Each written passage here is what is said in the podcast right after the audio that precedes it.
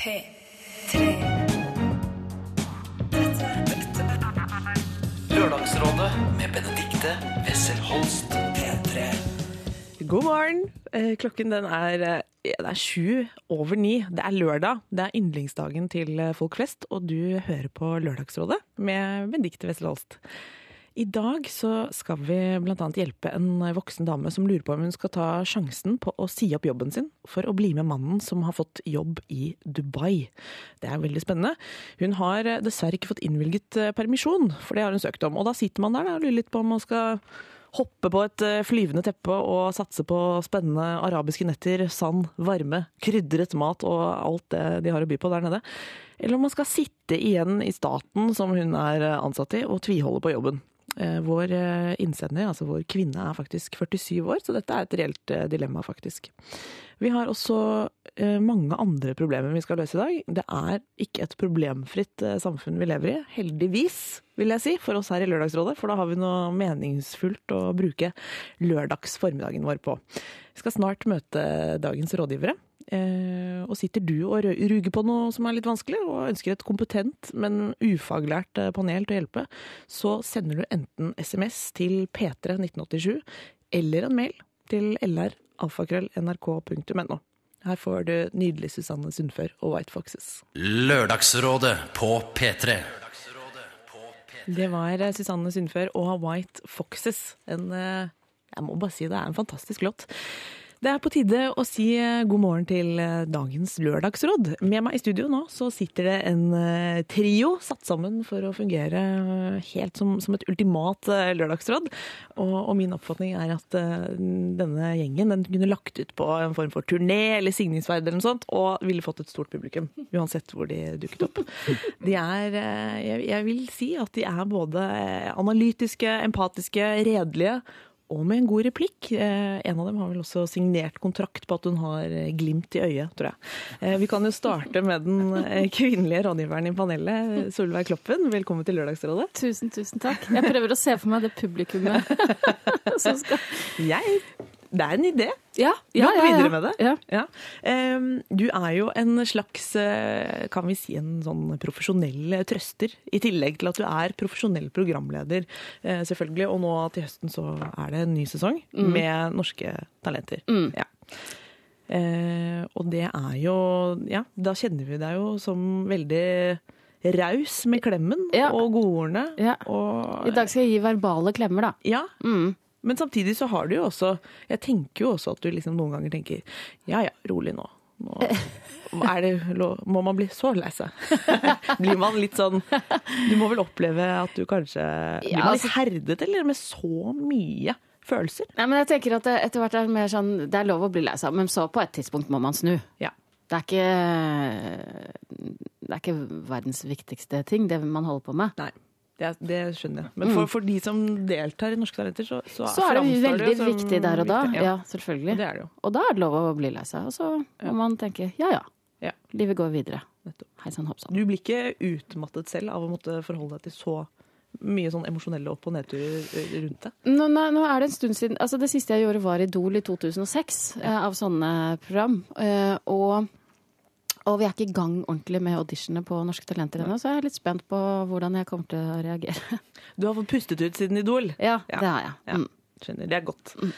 Eh, er du en som gir veldig mye råd sånn til eh, venner og familie, eller spør du først og fremst om råd selv, Solveig? Oi.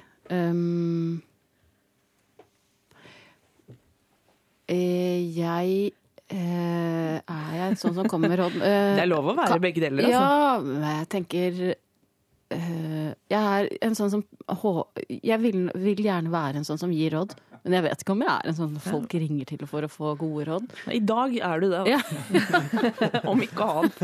Og det, det er bra. Ved siden av Solveig Kloppen så sitter det en mann som mange mener er eh, en slags Kåre Willoch i eh, hullete jeans og litt mindre knirk i stemmen. Og litt mindre fukt i øyet, vil jeg si. Eh, Høyrepolitiker Torbjørn Røe Isaksen, velkommen. Ja, ja, god dag. God dag. Og du er jo erfaren lørdagsrådgiver. Ja, ja. ja. Også? Eh, ja, eller jeg har merke? vært med noen ganger før, da. Du har det. Mhm.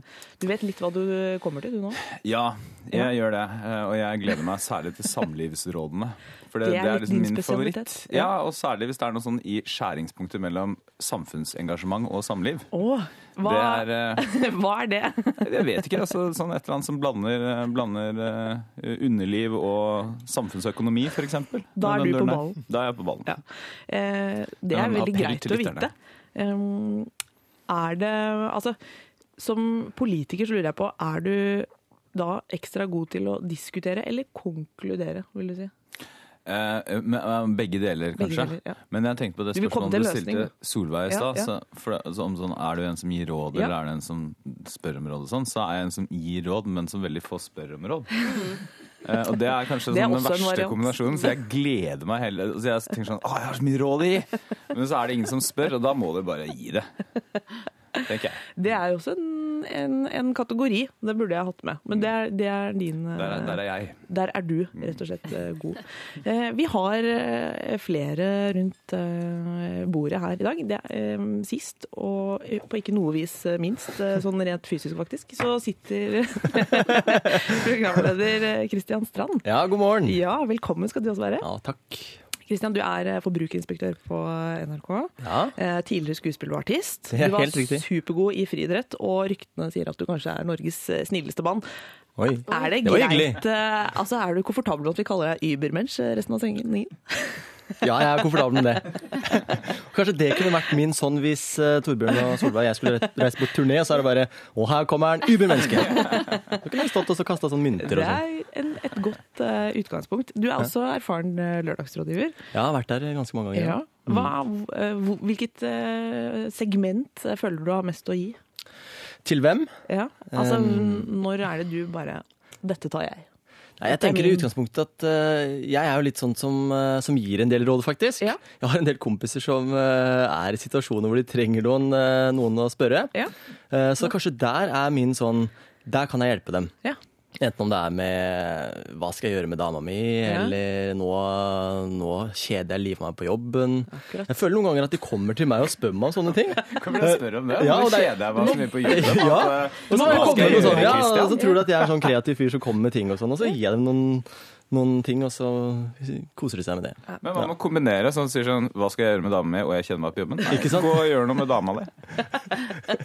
Det er jo en, eh, det er en quick fix. Ja, det er en quick fix. det er bra. Så det kan vi hjelpe dem med. Så som du skjønner, du som hører på nå, så er det rett og slett eh, et panel eh, som kan løse det aller meste.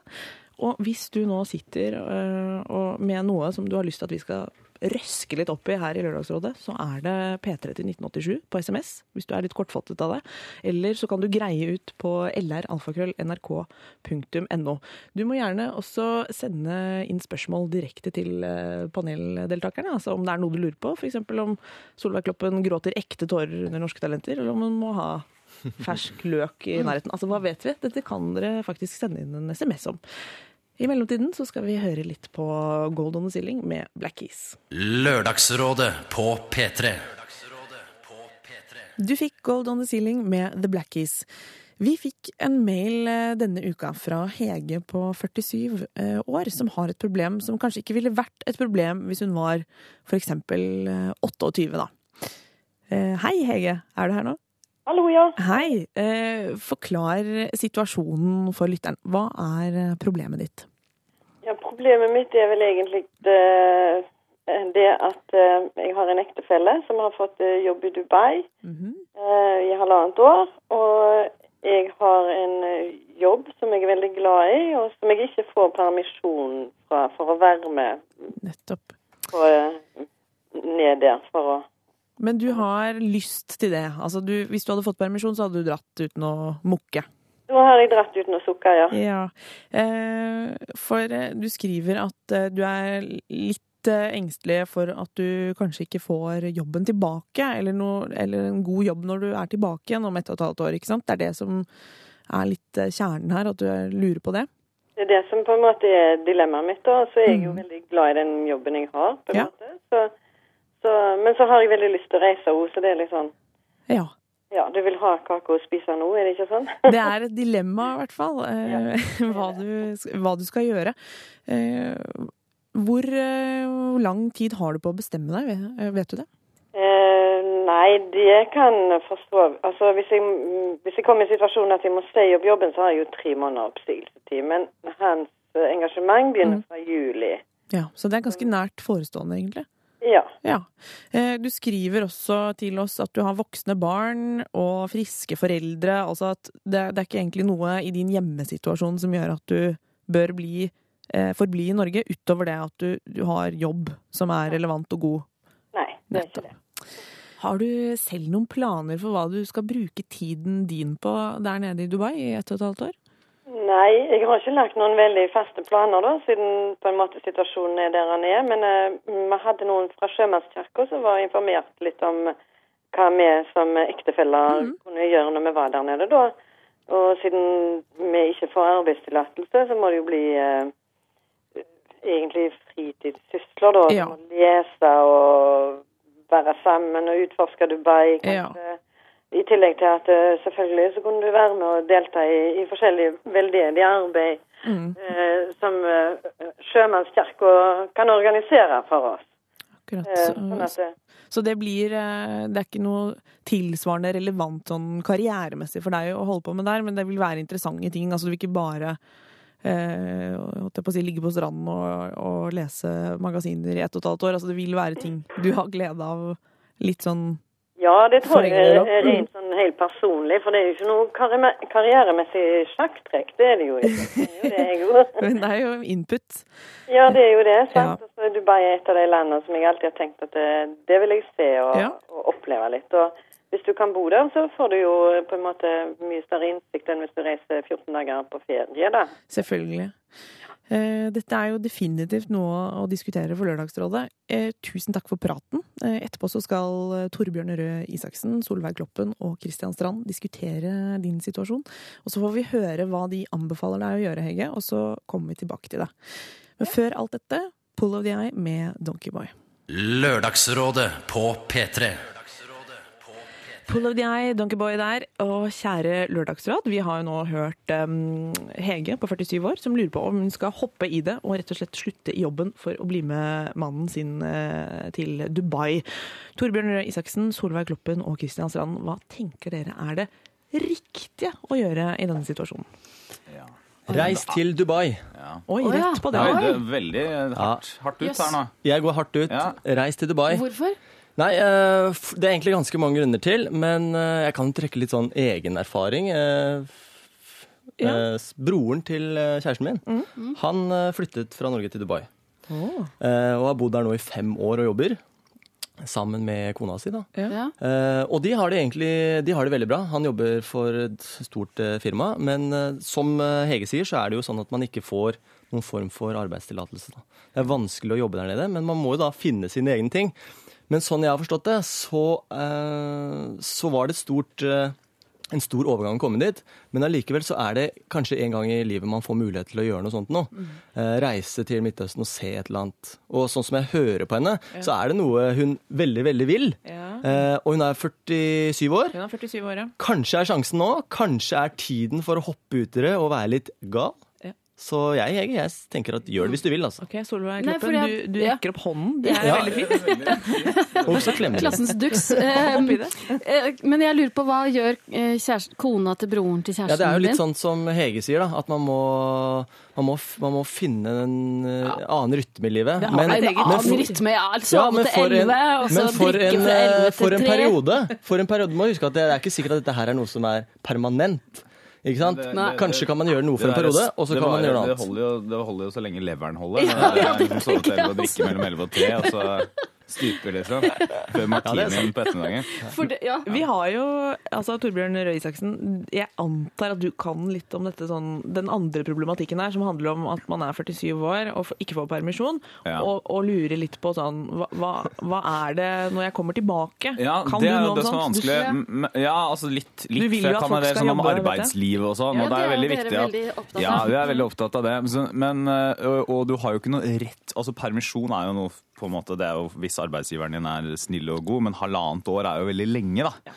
Så, men jevnt over så tror jeg nok også en som er da like under 50, altså eller rundt 50, er relativt attraktiv i arbeidsmarkedet fortsatt. Ja. For Du må jo regne med at du har da 15, kanskje 15-20 år igjen i hvert fall. Hvis ikke du da går Ifølge av politikerne så skal vi jo ha Jobbe det. til det stuper. Ja. Ja. Det er jo det ideelle. ikke Og sant? vel sånn det. Men er det ikke Jeg skulle bare for å ta inn litt det menneskelige aspektet her. For én ting er jo da Det hennes selvrealisering.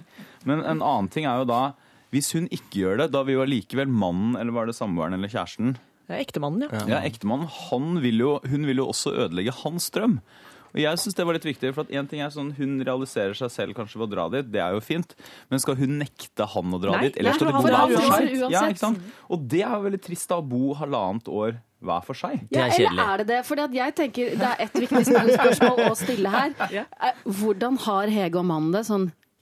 Vet du, De tror jeg har det veldig bra. Hun har lyst til å være med, og, og, men jeg tror nok ikke Sånn som jeg forstår det, så er det ikke noe som ryker ved at han blir borte. Nei, nei. Jeg, Det er så trygt og godt det her, så men, det tåler altså, det. Men Hege har lyst til å dra til Dubai annet fordi hun har lyst til å utforske Dubai. Jeg har aldri vært i Dubai. Det er noen ting å gjøre der. Altså. Du Ja, men kan ikke- bade og Ja, ikke sant? Men utforske Dubai, det går ganske kjapt. ja, de driver og bygger ting hele tiden. De bygger. Ja, og det som er fint rundt om i Europa eller andre land, det bare bygger de en kopi av. Det er jo mye å se det. Ja, ja. Det er litt Las Vegas. Så kan man reise litt Er- er rundt og se andre ting i, på Ja. Men kan ikke, Hege, kan ikke Hege bare få Altså, hun får jo sikkert Ja, i permisjon en liten stund. Ta permisjon noen måneder, da. Kanskje det er et godt alternativ? Hva med å rett og slett Ja. Legge opp til en lang Ja. tur? Ja. Start med en lang ferie. Ja. Går det? Ja, det går. Ja, for at I hvert fall så tror jeg du kunne fått permisjon sånn et halvt år eller noe Ja, sånt fra fra arbeidsgiver. Det, det burde, er kanskje mulig, da. Eh, kanskje særlig hvis du da sier sånn Nei, jeg skal bruke den tiden på å etterutdanne meg innenfor liksom sand og diplomati eller et eller annet sånt. da. Kulturutveksling. Du kan jo bli au pair i Dubai. Det er jo alltid Det er, det er, Sånn oljesjeik. Ja, ja. Det er alltid populært. Men det er jo et godt alternativ som vi ikke har vært inne på, nei. Men at med en, en litt kortere permisjon. Ja. Uh, eventuelt så altså det å Et halvt år. Jeg tror du får sett mye av Dubai jeg, på altså, et tror jeg år. det kan hende at uh, altså, hvis man ikke finner noe å gjøre der nede, så er, da kommer man, da kommer helt til å kjede livet av seg. Ja. Og så tenker jeg Eh, og det, det kommer litt an på hvor mange magasiner altså, men sier, altså, hvor mange magasiner du klarer å lese på et år. Ja. Og ulempen med eh, et halvt års permisjon er at det tar ikke mer enn seks måneder å få ordentlig smaken på martini bianco sånn på formiddagen, selvfølgelig. Ja. Men Du er eh, litt bekymret for det? Du. ja, Ja. Det tar kortere, kortere tid. Det er, sånn, det er egentlig noe man må slåss med daglig, eh, føler jeg. Men her er det, men samtidig så jeg syns også det er litt viktig at hvis du da blir borte halvannet år og, altså Vi er jo veldig privilegerte her i Norge, Ja, ikke vi sant? så vi kan jo sitte og diskutere sånn skal jeg bare ikke jobbe halvannet år, er det mulig og sånn. Så syns jeg Hege skal være da kjempenøye på at da må hun tilbake i jobb etterpå. Og så må hun være forberedt på at det kan jo bli litt det kan bli litt vanskelig. ikke sant? Det kan godt hende det tar litt tid, og at du kanskje ikke får den samme jobben som du skulle ønske deg. og Kanskje må gå ned litt i lønn også, for den ja, saks og at det ikke er lov å drikke da klokka fra elleve. Det, det er det hardeste. Eh, her er det jo flere gode alternativer. Skal vi høre om Hege har hørt på nå og, og syns at eh, vi har vært inne på noe? Eh, Hege, er du, hører du på, Hege? Ja da, hei. Ja, hei. Eh, nå har du hørt eh, oss diskutere. Hva tenker du om det vi har foreslått? Nei, jeg tenker at jeg har jo vært innom masse av dette, annet disse champagnelunsjene, som sikkert kan bli veldig tøffe. Men uh, eh, jeg, eh, eller vi har da vært inne på òg at det kan ta et halvt år, men utgangspunktets arbeidsgiver er på en måte det at jeg får ikke permisjon Nei. for eh, noe annet enn eh, å- svangerskapspermisjon, og det er på en måte ikke på bordet, da. Nei. Nei, men, for det er ikke et alternativ. Kan dere, kan Nei. dere gå dit? Det er det ikke. okay. Så vi følte jo nå at vi, vi var inne på noe veldig lurt da, med en sånn eh, litt kortere permisjon, men det, det kan du egentlig eh, avslå. Eh, Ja. Det, det er på en måte Jeg tror ikke det blir en del av problemstillinga, for å si det sånn. Nei. Nei. Nei. Så det er alt eller ingenting eh, for deg, Hege. Enten Ja, så sånn, sånn som det er nå, så er det Ja. faktisk Men er du, er du forberedt på altså, For at en, det, jeg skjønner jo at det virker altså, attraktivt. Om, om, så kan man være uenig om Dubai er hvor, hvor spennende akkurat Dubai er, men det er jo allikevel eksotisk, da. Det er jo mer spennende enn Eller Rogaland er jo fantastisk spennende, det, men det er jo annerledes er i hvert fall enn Rogaland. eh, så, men har du tenkt på sånn, hva som hva, Når du kommer tilbake og sånn, for du har jo lyst til å inn i jobb igjen i Norge da. Så det kan jo hende at det blir litt det blir ikke kjempevanskelig, kanskje, men det kan jo bli litt vanskelig. Det kan jo bli litt vanskelig, for det, det er jo sånn som jeg ikke vet hvordan arbeidsmarkedet f.eks. er når jeg kommer hjem. og mm, Det er mye som skjer i verden nå med alt dette her Ja, Ja. ikke depresjon, men hvordan Ja, sånne økonomiske Ja, sånne økonomisk. uroligheter. Ja, du tenker jo på det, selvfølgelig. Må, det må du ta med. Og det kan jo hende at det, Vi har olje i ett og et halvt år til, i hvert fall. Det, det tror jeg vi kan slå fast. ja. Det er mer i Dubai. Enda mer. Men Ja, eh, og så er det jo mer enn Dubai. Du har jo alle Emiratene. Ja. Og, og selvfølgelig, altså, det er billig å reise på ferieturer fra Dubai. eh, det er mange muligheter. Hege, er det litt sånn at du egentlig har bestemt deg, eller? At du kommer til å, du kommer til å dra, du? Det er ikke tvil om at jeg er farga av at jeg har veldig lyst til å dra, for å si det sånn. Nei, vi skjønner det. og de som jeg har diskutert med, noen sier at nei, det må du ikke finne på, og noen sier at eh, herlighet, det er ikke noe å tenke på engang, liksom. Ja. Vet du hva, jeg tar tilbake alt. Jeg sier dra. Det høres ut som du har lyst til å dra. Jeg, også, jeg har sagt hele tida bare hopp i det. altså. Kjør Ja. på. Ja. Inshallah, sier jeg. Ja, ja. vet du, Hege, da ble det egentlig det Du hørte hva, hva gjengen her sa. De mener Ja. at du skal dra. ja, ikke sant. Men bruk kanskje, kanskje kan bruke det halvannet året på å uh, ta f.eks. et eller annet sånn korrespondansekurs eller et eller annet for å øke kompetansen sin litt. Ja, det er. Det går. Mellom de Mens du tar en champagne. Ja, ja, nettstudier har jeg absolutt tenkt på. Ja. Det kan jeg faktisk gjøre. Nettopp. Ja, men det høres ut som du kommer til å få to, altså ett og et halvt år i eh, arabisk sand med spennende mennesker, og du kan ta deg en tur opp i det høye bygget som alle snakker om. Ta de fotosene som du gleder deg til å ta, og så får man eh, finne ut av hvordan det blir når man kommer tilbake. Det kommer jo til å gå bra, det her. ja, vi får satse på det. Hege, tusen takk for at, du, at vi fikk snakke med deg, og for at du sendte inn problem og var med på lufta og hele pakka. Du får ha en fin eh, lørdag videre. God tur! Ja, God tur, ja. god tur. Takk for det. Ha det godt. Ha det bra. Eh, send oss gjerne flere problemer. Det er eh, derfor vi er her. Og i tillegg til at vi elsker å prate, da. Og høre på hva vi kommer fram til. P3 1987 er SMS-adressen. Og så kan du sende mail til lralfakrøll.nrk.no. Her får du eh, Adele, 'Set Fire to the Rain'. Lørdagsrådet Det var Hjerteknuser med Kaizers Orkestra, bandet som synger på vårt eh, eget språk, men likevel er så veldig, veldig vanskelig å forstå. Og før det så var det Adele og Set Fire to the Rain. Um, Kjære Lørdagsrådet. Jeg er en jente på 17 år. Jeg har en stemor eh, som jeg og pappa har bodd med i ca. fem eh, år. Hun har selv eh, voksne unger, og jeg er den eneste igjen i huset. Hun er ekstremt pirkete og kritiserende. Jeg begynner å lure på om det er fordi hun savner sine egne barn så mye. Hva kan jeg gjøre for å få henne til å slutte? Jeg har prøvd å ta det opp, men da sier hun at hun føler seg utstøtt. Hilsen Karoline. Altså en 17 år eh, gammel eh, jente og en eh, stemor som ikke høres helt maks ut. Solveig Kloppen, Torbjørn Røe Isaksen og Kristian Strand. Vet du hva, Kan jeg starte her Ja. med en liten uranfakkel? For Ja. hun er veldig pirkete og Hva var det andre? Pirkete og kritiserende. Ja. Det kan jo hende at denne 17-åringen Ja. en brannfakkel, kan hende hun er veldig rotete og gjør mye som er verdt å kritisere. Jeg sier som en Ja. den der, jeg husker den filmen 'Terkel i knipe', hvor det er en sånn 'Hva med deg sjæl'? En sånn sang der. Det kan hende, kanskje. Jeg, jeg vet ikke. Altså, det kan jo hende at man burde kikke litt på seg selv og se er det noe jeg gjør som, som kan liksom forbedres, og som gjør at jeg får så mye pirk da, Ja. og kritikk. Det er et viktig innspill. Det kom faktisk helt først. Ja. Hva- Jeg tenker litt sånn, eh, Torbjørn også. Altså, da jeg var 17, så følte jeg også at mine foreldre var veldig pirkete og veldig sånn Nå må du, nå må du skjerpe deg litt innimellom. Ja. Det var jo ikke det at de savnet noen andre, på en måte. Men Nei. de, de, ja, vi kan jo sånn- slå fast at det ikke er så, så unormalt å bli litt sånn pirket og, og kritisert eh, når man er 17 år. Eh, Solveig, du Ja. Nei, jeg tenker det er Rynker sikkert- brynene ja, her nå. Nei, jeg, jeg, jeg tenker at det er sikkert mange grunner til å Man må jo være pirkete og kritiserende overfor en 17-åring, tenker jeg. Det er jo man, ja. ja, men, men det går jo an, hvis dette er et så stort problem, så tenker jeg at det går an å snakke med stemor no, om tonen. på en måte. Det er jo måten å være pirkete og kritiserende på. Ja, altså, Ordene pirket og kritiserende, Ja. det, er- det er vel ikke de vi vil ha, Nei. liksom. Eh, Nei, for man, man vil jo ikke altså for, for at det, det er jo det å komme kommer litt sånn si at å, du burde være flinkere til å gjøre Ja, vi kan lekser kalle det- eller et eller annet sånt. Kanskje stemoren si sånn- tror hun veileder og, og Ja. Ja. altså, Og gi konstruktiv tilbakemelding. Og så er det jo alltid sånn i forhold til når det kommer en annen person inn, ja. eh, hvem 17-åringen har forholdt seg til tidligere. Ja. Altså Hun har jo hatt uh, sin egen mor, så nå kommer det da en ny, en ny mor som er helt sikkert helt annerledes fra hvordan uh, hennes mor har vært, eller er.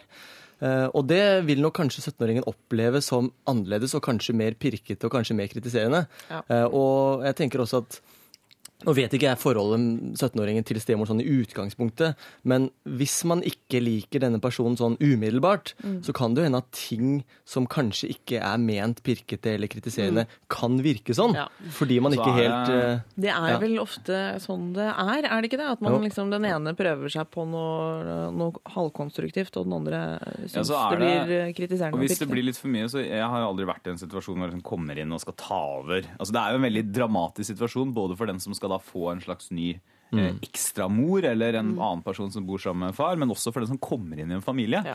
Og da tror jeg at det man er kanskje mest usikker på, det er noen vil kanskje være, noen vil prøve å være veldig veldig snille, for de er så redd for ikke å bli likt, mens andre er nok veldig redd for å ikke bli respektert. Og da kan det hende at man kanskje går litt langt i å være liksom streng og myndig og si Ja. sånn jeg er, jeg er også, Du må høre på meg. For Jeg er også tross noe å fare med, ja. Ja, ikke sant? Og det som ofte skjer, tror jeg, er at far da, som har litt dårlig samvittighet for at han har tatt med denne eh, onde damen inn i forholdet, eh, blir ekstra snill. Han er, blir, han er, blir eh, sant? Han er- Det kan skje. Han. Setter ingen grenser i det hele tatt. Og det gjør at mor, stemor, Mm. eh, den onde heksen, må stramme inn enda mer, være en, enda mer pirkete og kritiserende. Hvordan kan man ta opp eh, noe? Altså Hun sier jo at hun har forsøkt å ta det opp, eh, skriver hun noe til oss. eh, Men hun sier at hun da føler seg utstøtt. Eh, Har dere noen tips til hvordan man kan prøve å ta opp den debatten igjen? Jeg, jeg, tenker, jeg syns at det høres ut som et veldig viktig stikkord her. For det betyr jo at hun stemora hun, Det er et eller annet hun altså Det er ikke bare at hun altså Hun føler at hun ikke har blitt helt tatt godt imot, kanskje. Og at hun føler at hun ikke blir, ikke blir sett på som, som en av familien. Og det må det jo på, på en måte bli etter hvert. Du blir jo aldri som mor, men du blir i hvert fall med å være en av familien. Så kanskje det å kanskje prøve noen uker med å være ekstra oppmerksom og være litt hyggelig og snill også Ja. mot stemora, kanskje det kan hjelpe litt i Hvis det er noen ting hun pirker på som kanskje er helt eh, La oss si at eh, vår 17-åring er litt rotete, da, uten at det egentlig er så krise. Kanskje hun skal prøve å være litt sånn Ja. ekstra påpasselig, og så se om det blir litt hyggeligere stemning. Er det et alternativ? Og så, tenk, og så er det vel lurt å ta opp eh, dette her eh, eh, Ikke gjøre det i situasjonen. Men kanskje kalle inn til et Det høres jo teit ut, men kalle inn til et familieråd. Og jeg tror også far skal være til stede, for jeg tror han spiller en rolle inn i dette forholdet her òg. Um, og så kan kanskje vår 17-åring eh, nesten skrive opp hver gang hun føler at 'oi, nei, nå var du pirkete uten grunn'. Kan skrive opp eh, eh, hva hun føler der og da, og så kan hun ta opp det. Og det er jo det gamle trikset, at man ikke må si sånn 'du er pirkete, og du gjør sånn og sånn', men jeg, når du sier det, så føler jeg. Ja. sånn. ja. Du skriver opp en sånn svær lærebok for, for seg. for liksom Signert, Ja, sånn, bretter du den ut. Det er sånn Her er alle de gangene, og så er det lange lister som går år tilbake. Ja, eh, Karoline, som hun heter, på 17 år, hun eh, kan jo selvfølgelig også snakke litt mer med faren sin, for det er jo en, en god mulighet. Ja, jeg tror eh, far spiller en, som Solveig sa, en rolle her. Altså, far, ja. far har jo tatt henne med på en måte Ja. inn i familien her, og han må jo på en måte se hva slags person Ja. stemoren er mot datteren. Han må ta den meglerrollen, dessverre, lite grann. Og så eh, er det det å, å, å selvfølgelig da prøve å unngå de konfrontasjonene når man er midt i denne pirke-slash-kritikk-situasjonen. Ellers så er en god løsning er jo alltid også å skrike 'du er ikke mora mi', og så løpe opp på rommet og slamre igjen døra. Det, Karoline, det kan du prøve. Hvis du ikke har gjort det ennå, gå for den. Ja, um, sitter du med noen eh, problemer som du ikke får sortert på egen hånd, så er vi i Lørdagsrådet en slags eh, problemenes Fretex. Altså vi tar dem imot, og så ja, Vi gir dem jo på en måte ikke videre. Nei, kanskje, kanskje var et dårlig bilde. Vi vil i hvert fall veldig gjerne ha dem, og bruke dem til det vi driver med her. Eh, send dem over, i hvert fall. Det var egentlig poenget. P3 1987 eller lralfakrøll nrk.no. Her kommer Coldplay med Glowsticks-låta 'Every Teardrop Is A Waterfall'. Lørdagsrådet. Lana Del Rey, 'Born To Die', hørte vi der. Eh, Vi skal gå rett på et problem som har kommet inn her nå. Eh, Kjære Lørdagsrådet. Av en eller annen grunn så ender jeg alltid opp med gutter som er godt over gjennomsnittlig sjalu. Jeg har fire forhold bak meg og er for tiden sammen med en super fyr. Etter at de to eh, eh, første forholdene mine eh, ble, tok slutt, som var så ekstreme at jeg måtte gjøre det slutt, skriver hun, ble jeg litt obs på at jeg ikke ønsker det slik igjen. Det har jeg snakket med kjæresten min om tidlig i forholdet, og han var enig i at sjalusi bare er dumt. Av prinsipp så har jeg ingen kontakt med mine ekser, siden det er den ene tingen jeg selv kan bli sjalu for. Eh, Jeg har mange guttevenner, som jeg aldri har hoppet i høyet med, parentes, men som er gode venner. Jeg inviterer alltid med kjæresten min på ting, jeg kysser han lenge og åpenlyst så ofte jeg kan, og jeg skryter av ham til kompiser, både når han er der og ikke er der. Men dette har aldri vært, eller er godt nok, virker det som. Jeg er veldig godt likt både blant gutter og jenter. Sprudlende, alltid blid og ler høyt og lenge av folks vitser. Og det er jo akkurat derfor de er mine beste venner, fordi de alltid får meg til å le. På en måte kan jeg forstå at det er kjipt når dama di ler av andre gutters vitser og alltid er kjempehyggelig mot alle. Men det var jo også dette han falt for ved meg. Selv om jeg ikke syns det er riktig, har jeg gitt ham lov til å sjekke mobilen min, Facebooken min osv. for å vise at jeg ikke skjuler noe. Men ingenting hjelper. Jeg kan jo ikke si opp alle guttevennene mine, slutte å le av folks vitser og slutte å være den jeg er. Eller spørsmålstegn. Hilsen eh, Silje. Som er eh, fortvilet 27-åring. Altså, sjalusispøkelset har dukket opp, og det oppfører seg jo alltid skremmende og uforutsigbart. Er det sånn, eh, Solveig Kloppen, Torbjørn Røe Isaksen og Kristian Strand, må glade og sprudlende jenter tåle at kjæresten er litt sjalu? Nei, vet du hva? Ja, men sjalusi det er jo så, liksom, det er så mørkt, men så er det er så vanskelig for at det er så irrasjonelt. Ja. Eller det er til en viss, altså sånn, vi Til kan en viss alle grad, Til en ja. viss grad, ikke sant? Men alle kan jo, altså en viss porsjon sjalusi, det, kan jo, det er jo liksom fornuftig kanskje. Det er jo et, menneskelig, det kan vi jo slå fast. Ja. Men, det blir, men, men, men jeg mener at, eh, at eh, hun har gått for langt ved å altså Kanskje hun har gitt litt aksept for det ved å si f.eks. du kan sjekke mobilen min og sjekke Facebook og sånn. Eh, For da, da, da sier hun jo på en måte at OK eh, Altså hun, hun gir etter. Hun gir noen centimeter. Og det kan hun ikke gjøre, syns jeg. Og så nevner hun jo ja. Ja. Hun nevner jo at alle de guttene jeg har vært sammen med, har, er eller har vært sjalu. Ja, det er noe Eh, der, og så altså. da, da tenker jeg, hvorfor eh, Hun har hatt fire lange forhold bak seg. Hvorfor blir alle de guttene hun er sammen med, eh, sjalu? Hvorfor oppfører alle seg likt, da? Eh, hun sier jo at hun er en jente som gir mye av seg selv, eh, overfor alle, egentlig. Eh, og samtidig mot kjæresten sin, kysser åpenlyst og sånn. Eh, men det kan jo hende at hun, det kan hende at det hun gjør, ofte tolkes feil av den hun er sammen med. Da. At hun ikke helt klarer å finne den balansen mellom det at hun har veldig mange gode venner som liker henne, av gutter og jenter, men som da ikke alltid den hun er sammen med, klarer å tolke helt hva er det hun holder på med nå, hvor går grensen hennes. Og hvis hun gjør da kjæresten sin, eller kjæresten sine veldig usikre hele tiden, så tror jeg at hun skaper en eller annen sjalu kjæreste som da til slutt oppfører og kanskje agerer litt vel eh, mye. Ja, Så du tror ikke at eh, de er sjalu i utgangspunktet? Du, Nei, altså, jeg, det kan nok hende at, eh, at hun finner seg kjæreste som La oss si i utgangspunktet kanskje er litt usikre på seg selv. da, At hun har en tiltrekning til typer som er sånn, men som ved henne sånn eh, væremåte Ja, det er eh, tydelig at hun er en sånn overstrømmende person. Altså, ja, Hun virker som en veldig bra dame. Jeg ser for meg sånn eh, superdame på fest, som bare, liksom, bare lever festen. Bortsett fra at hun gjør én irriterende Ja. ting, og det er å kysse veldig lenge Ja, og veldig Ja. mye på kjæresten. Ja, det er Det er kanskje, slutt med det. Og det er liksom for å vise andre på en eller annen måte sånn Se hvem jeg altså, Det er noe som ikke Da hadde helt jeg blitt sjalu hvis jeg sto liksom Ja, ja. rundt henne eller noe sånt. Som vanlig festdeltaker. tenker jeg sånn, ja, ikke sant? Ta det den er, klininga det er nok en kombo her, tror jeg kanskje. Men jeg tenker at øh, for, hva, Inngangsspørsmålet ditt var må sprudlende jenter skjerpe seg? Ja, for det virker jo litt sånn at, at hun på en måte har konkludert med at hun selv er sånn Dette er meg, jeg Ja. er en sånn gladlaks og får mye oppmerksomhet. og? Sånn. Og da kommer det liksom en pakke med, med sjalu gutter. Jeg vet ikke. Nei, ja, men jeg tenker at det er regler for, i et forhold når det gjelder guttevenner. Ja. Eh, gamle guttevenner, det må man så absolutt godta. Mens gutter, i hvert fall hvis det er litt sånn Tension der. Ja, så må man Nye guttevenner bør introduseres for begge. Altså, det, man, man må tidlig Ja. ta med den nye guttevennen hjem, sånn at du Dette er, dette er Torbjørn, min nye venn. Dette er Kjartan. Ja. Dere kommer også til å bli gode venner. Det er ikke sikkert dere blir like gode venner som Torbjørn og meg, men, Men, Men- sånn at det, man ikke- ufarliggjør det, da.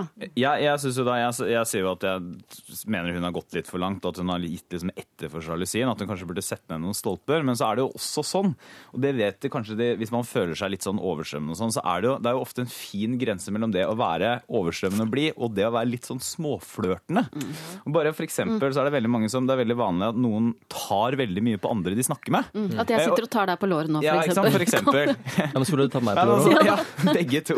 Det er jo noen som er da mer eh, liberale med lårtakingen sin. Men at man er sånn, eksempel når man snakker sammen, så, tar man litt på armen til folk, eller noe sånt, og man gjør det ofte ubevisst. Jeg er sånn, Ja, og det kan nok oppfattes Det er litt sånn på grensen til småflørt, ikke sant? Det er, så det kan hende at man skal ta en liten runde bare og sjekke sånn OK, burde jeg justere det ned fordi jeg har en veldig sjalu kjæreste? Men alt i alt så mener jeg at her er det ikke Altså, vet du hva, ikke, ikke vik her, altså. Du kan ta en bitte liten kikk på deg selv, men ikke la en sånn overdrevet sjalu kjæreste få lov til å styre livet ditt. Nei, men samtidig så høres det ikke ut som Silje har skjønt problemet helt. fordi at hun sier sånn vi ble en, Da vi ble sammen, så ble vi enige om at sjalusi er dumt. Ja. Det er Eh, vi jo alle enige om. Ja, ja, ja. Det, men det holder ikke. Nei, det er, ja. Det er den, eh, den dobbeltheten der, da. At du, du hun eh, Silje, hvis hun hører på nå, så det håper jeg hun gjør, så, så er det det at hun er klar over at eh, hun tiltrekker seg oppmerksomhet, og hun bruker det jo eh, fordi, for, for det det er verdt på et vis, til å være et sosialt midtpunkt. Og som Torbjørn sier, det er noen glidende overganger der i å være den den fontenen, lysfontenen, eh, som også sprer litt flørt. Men Hvis hun skal gjøre noe sånn ordentlig, så burde hun jo Kanskje hun skal da bare liksom forfalle. Blir Altså, litt så- eh, ja, altså hvis man er sånn her, ikke, ikke, Du kan ikke endre personlighet, men du kan bare liksom slutte å begynne å dusje hver femte dag, Mm. slutte å stelle seg på håret, ikke sminke seg, ha shabby klær. Kanskje lukte litt hvor- svette og sånn, og så, så, så blir liksom som- uattraktiv, Så rett og slett. går det over av seg selv. Akkurat nå skjønte jeg hvorfor vennene til Torbjørn ikke ringer han og ber om råd. Men jeg syns jo det er bra at hun på en måte spiller med litt åpne kort overfor kjæresten sin òg, da. Ja. At hun på en måte sier at hvis du vil, så kan du jo så klart eh, sjekke Facebooken min eller mobilen min. Mm. Altså, ja, hun gir etter, men samtidig så viser hun, gir hun en trygghet overfor kjæresten sin at det Ja, er det er ingenting ikke noen her. Det er ingenting. Så gjør det hvis du vil, men allikevel Ja. det er Det man kan si er at Hvis ikke det hjelper For det er jo noe hun har, hun har gjort ganske mye her nå som, som skulle gitt en Ja. form for trygghet. Og hvis ikke det kommer, da, da er det ikke noe håp. Men jeg lurer på er det, altså Dette med sjalusi det er veldig menneskelig, og det er liksom så stusslig, og noe man helst ikke vil vedkjenne seg. Ikke være sjalu.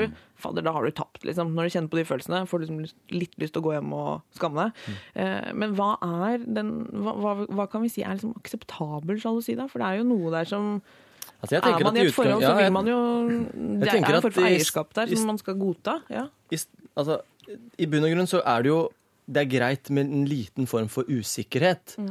Eh, at man på en måte føler seg ikke alltid helt trygg på kjæresten. Man skal være, det skal være en sånn tension der. Men når det blir, går til det litt sykelige, når man på en måte eh, føler at man må enten overvåke kjæresten sin, Mm. man må hele tiden ha en sånn tilbakemelding på om det du gjør der ute, om det er Mm. riktig. Da tror jeg det kan bli at det tar overhånd, at man ikke klarer å forholde seg normalt til kjæresten sin. Da tror jeg det går alt, for langt. Ja, så er det, for det, Man har lov til å det må være litt sjalusi, sånn at man ikke tar folk for gitt. Ja, ikke og det er jo lett, ikke sant? Hvis man ikke er sjalu i det hele tatt, så tar man lett folk for gitt. Så blir det sånn Ja, ja, jeg aner ikke hvor liksom kjæresten min er på den festen her. Altså, det driter i, for jeg er så trygg på henne. Så det er litt farlig. Men, eh, men jeg syns at man skal være Jeg synes man skal faktisk være ganske streng på det her. For at jeg synes det, er, det er helt ufornuftig irrasjonelt være ekstremt sjalu. Og det preger Det tar opp masse plass. Mm. Og det dominerer mye. Og, og Silje, mye drit skjer på grunnlag av- sjalusi. Det må vi jo kunne si. Altså, blir du tilstrekkelig sjalu, så, så er du jo en, plutselig en farlig mann, uten at dette er liksom tilfellet. Men Ja, og så er det jo litt det er sånn jo det vi, i verste konsekvens. Og hvis kjæresten din ikke har tillit til deg uansett, så tenker jeg ja, kan man jo like gjerne være utro, da. Hvis det er det hun er redd for. Det, det, hvis kjæresten hører på nå, så blir han sikkert veldig glad for det siste der.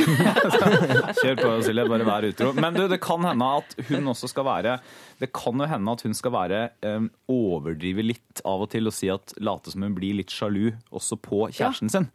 Eh, Sånn at han føler seg litt sånn ønsket, og at hun ikke, ikke over, ikke liksom sånn, krever å se Facebook-siden hans, men si litt sånn Du, eh, du snakket jo veldig lenge med hun derre blondina med stor utringning i dag, eksempel. Ja. Det Det, er jo også et alternativ. på. Alternativ. Silje, eh, hvis du hører på nå, så har du fått eh, flere tips. Altså, vi er jo ganske samstemte i at eh, eh, uholdbar sjalusi, det er ikke noe å tufte et forhold på. Det, altså, det, det må du i verste fall faktisk komme deg ut av. Eh, men i og med at du har hatt fire kjærester som alle har vært sjalu, så er det kanskje noen ting du må rydde opp i i, i ditt sprudlende f.eks. kroppsspråk. Det er mange av oss som har måttet gjøre det opp gjennom årene. Det, det går an uten at det liksom fjerner eh, hele personligheten din. Men eh, det er, dette er litt tricky. Men jeg er sikker på at du eh, kommer til å, å finne ut hva som er riktig for deg å gjøre.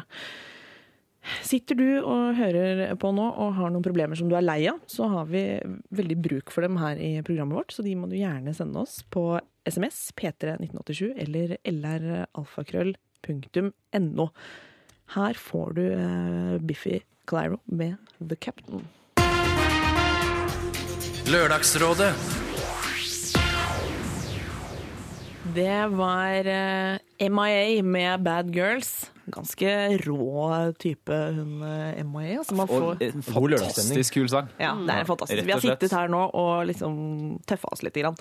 Eh, Du lytter til Lørdagsrådet. Det er med meg. Jeg heter Benedicte Wessel Holst, og med meg i dag så sitter lyse, fagre, sjarmerende programleder Solveig Kloppen. Den skarpe, kjappe og blå politikeren eh, Torbjørn Røe Isaksen fra Høyre her. På venstre hånd, da, vel å merke. Det var jo eh, feil. Og vår forbrukervennlige og alltid oppvakte eh, mørke, altså. Strand fra FBI på NRK. For en gjeng. Eh, vi har fått inn noen SMS-er til dere som sitter eh, i rådet i dag. Eh, Solveig, jeg kan begynne med en eh, til deg. Ja. Tror du at du selv ville meldt deg på et program eh, som Norske Talenter eh, dersom du Dersom var litt yngre, da? Eller, ja. Eller, kanskje du? Dersom Du- jeg hadde et talent. Det er kanskje det, kanskje det ligger under her nå. For du, strengt tatt, det er ikke noe aldersgrense. Det er ikke noe aldersgrense. Ah. Så, eh, men svaret er nei, for det er grunnen til at jeg er programleder. At jeg har ikke noe sånn eh, Jeg kan litt av alt. Litt sånn, av alt, ja. ja. eh, sånn middelmådig. Ja. Men kunne man, kunne man meldt seg på Norske Talenter med talentet programleder for Norske Talenter? Hva sier du, Solveig? Eh, ja, det kunne man. Ja, Det er jo spennende. Det åpner jo et nytt segment. Som en slags audition? Sånn, Ja, ja. dette kunne jeg gjort. Ja. Ja, ja, mitt, er fint. eller sånn at jeg kunne vært programleder i sånn 71 grader nord, da. Så det er mitt talent. Jeg Gjør går på masse. Talenter. Det er jo strengt tatt veldig mange der ute som har lyst til å bli programledere. Ja, det er det. Ja, det er bare å prøve seg. Det er lov å prøve seg. Eh, men tilbake til meg, da. Ja, tilbake til deg. For det er jo et oppfølgingsspørsmål, selvfølgelig. Ja. Hva ville du vist fram hvis du måtte? Det eneste genuine talentet jeg har, vil jeg si, er at jeg kan putte hele hånda inn i munnen min. Gjør Oi. det! Mm, jeg gjør det. det Det er ikke spesielt radiovennlig, men er, jeg skal beskrive hva jeg ser. er Oi, oi, oi. Det er kjapt! En hel neve. Oi. Og du har, ganske, du har ikke en ganske stor hånd sammenlignet Sånn med munnen også. Det er ikke at du har en stor. Skikkelig arbeidshånd. Solveig Kloppen er Wow. jo liten og nett, men hun har jo en ordentlig neve, og den var nå helt inni munnen. ja. Men det er klart det er ikke noe sånn eh, utviklingspotensial i det nummeret der. Har dere hatt noen på Norske Talenter som har, har, har prøvd seg? Det tror ikke det. Nei. Nei. Det, det der, Det der programmet der begynner jeg å glede meg. Ja, det var, det var også Såpass, ja. Jeg syns det var radiovennlig også, Ja. faktisk. Ja. Eh, Christian Strand, Ja. du virker som en fyr som sjelden blir sint. Hvis noe får deg til å klikke, hva er det? Oi, oi. Nei, altså jeg, I utgangspunktet så er jeg en ganske lugn fyr. Ja, da. du er det. Ja, eh, Litt sånn observator har jeg fått høre, sånn, liksom, som sitter litt sånn og ser på folk og kanskje ikke Og så klikker. Ja, Og så klikker! ja, ja, men Du vet hvordan de typene er. sier- Og så bare smeller det! Ingen vet når Christian klikker, da klikker, da klikker han sånn. Jeg på meg vesten, altså. Nei, men hva som får meg til å klikke eller bli uh, sinna? Ja. Uh, skal vi se. Jeg, jeg, jeg kan bli uh, veldig sinna, helst blant de som er ganske nære. Ja. Altså nære folk, familie og, og venner. Hvis jeg på en måte føler at det de gjør, holder på med, er helt ute. Eh, enten om det er overfor meg eller overfor noen andre i gjengen. Da, da kan jeg bare bli Men, jeg, jeg fyrer meg liksom ikke opp og Du er ikke en sånn nei, du kaster ting i bakken. blir du langs- er du nei, nei, langs, langs, og langsure nei, nei, men jeg, jeg på en måte distanserer meg litt.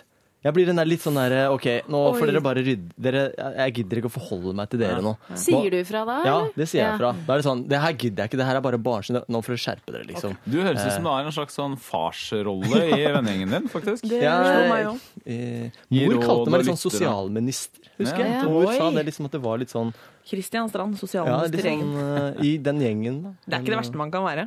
Nei, det var hyggelig, det. Altså. Men du hyler aldri? Du blir aldri sånn Nei, jeg hyler ikke, og så smeller det aldri. Det gjør ikke det, men eh, hvis det gjør det, da, er det jo, da må det være helt sjukt. Du blir ikke sånn som Mette-Marit, adrenalinsint. Nei.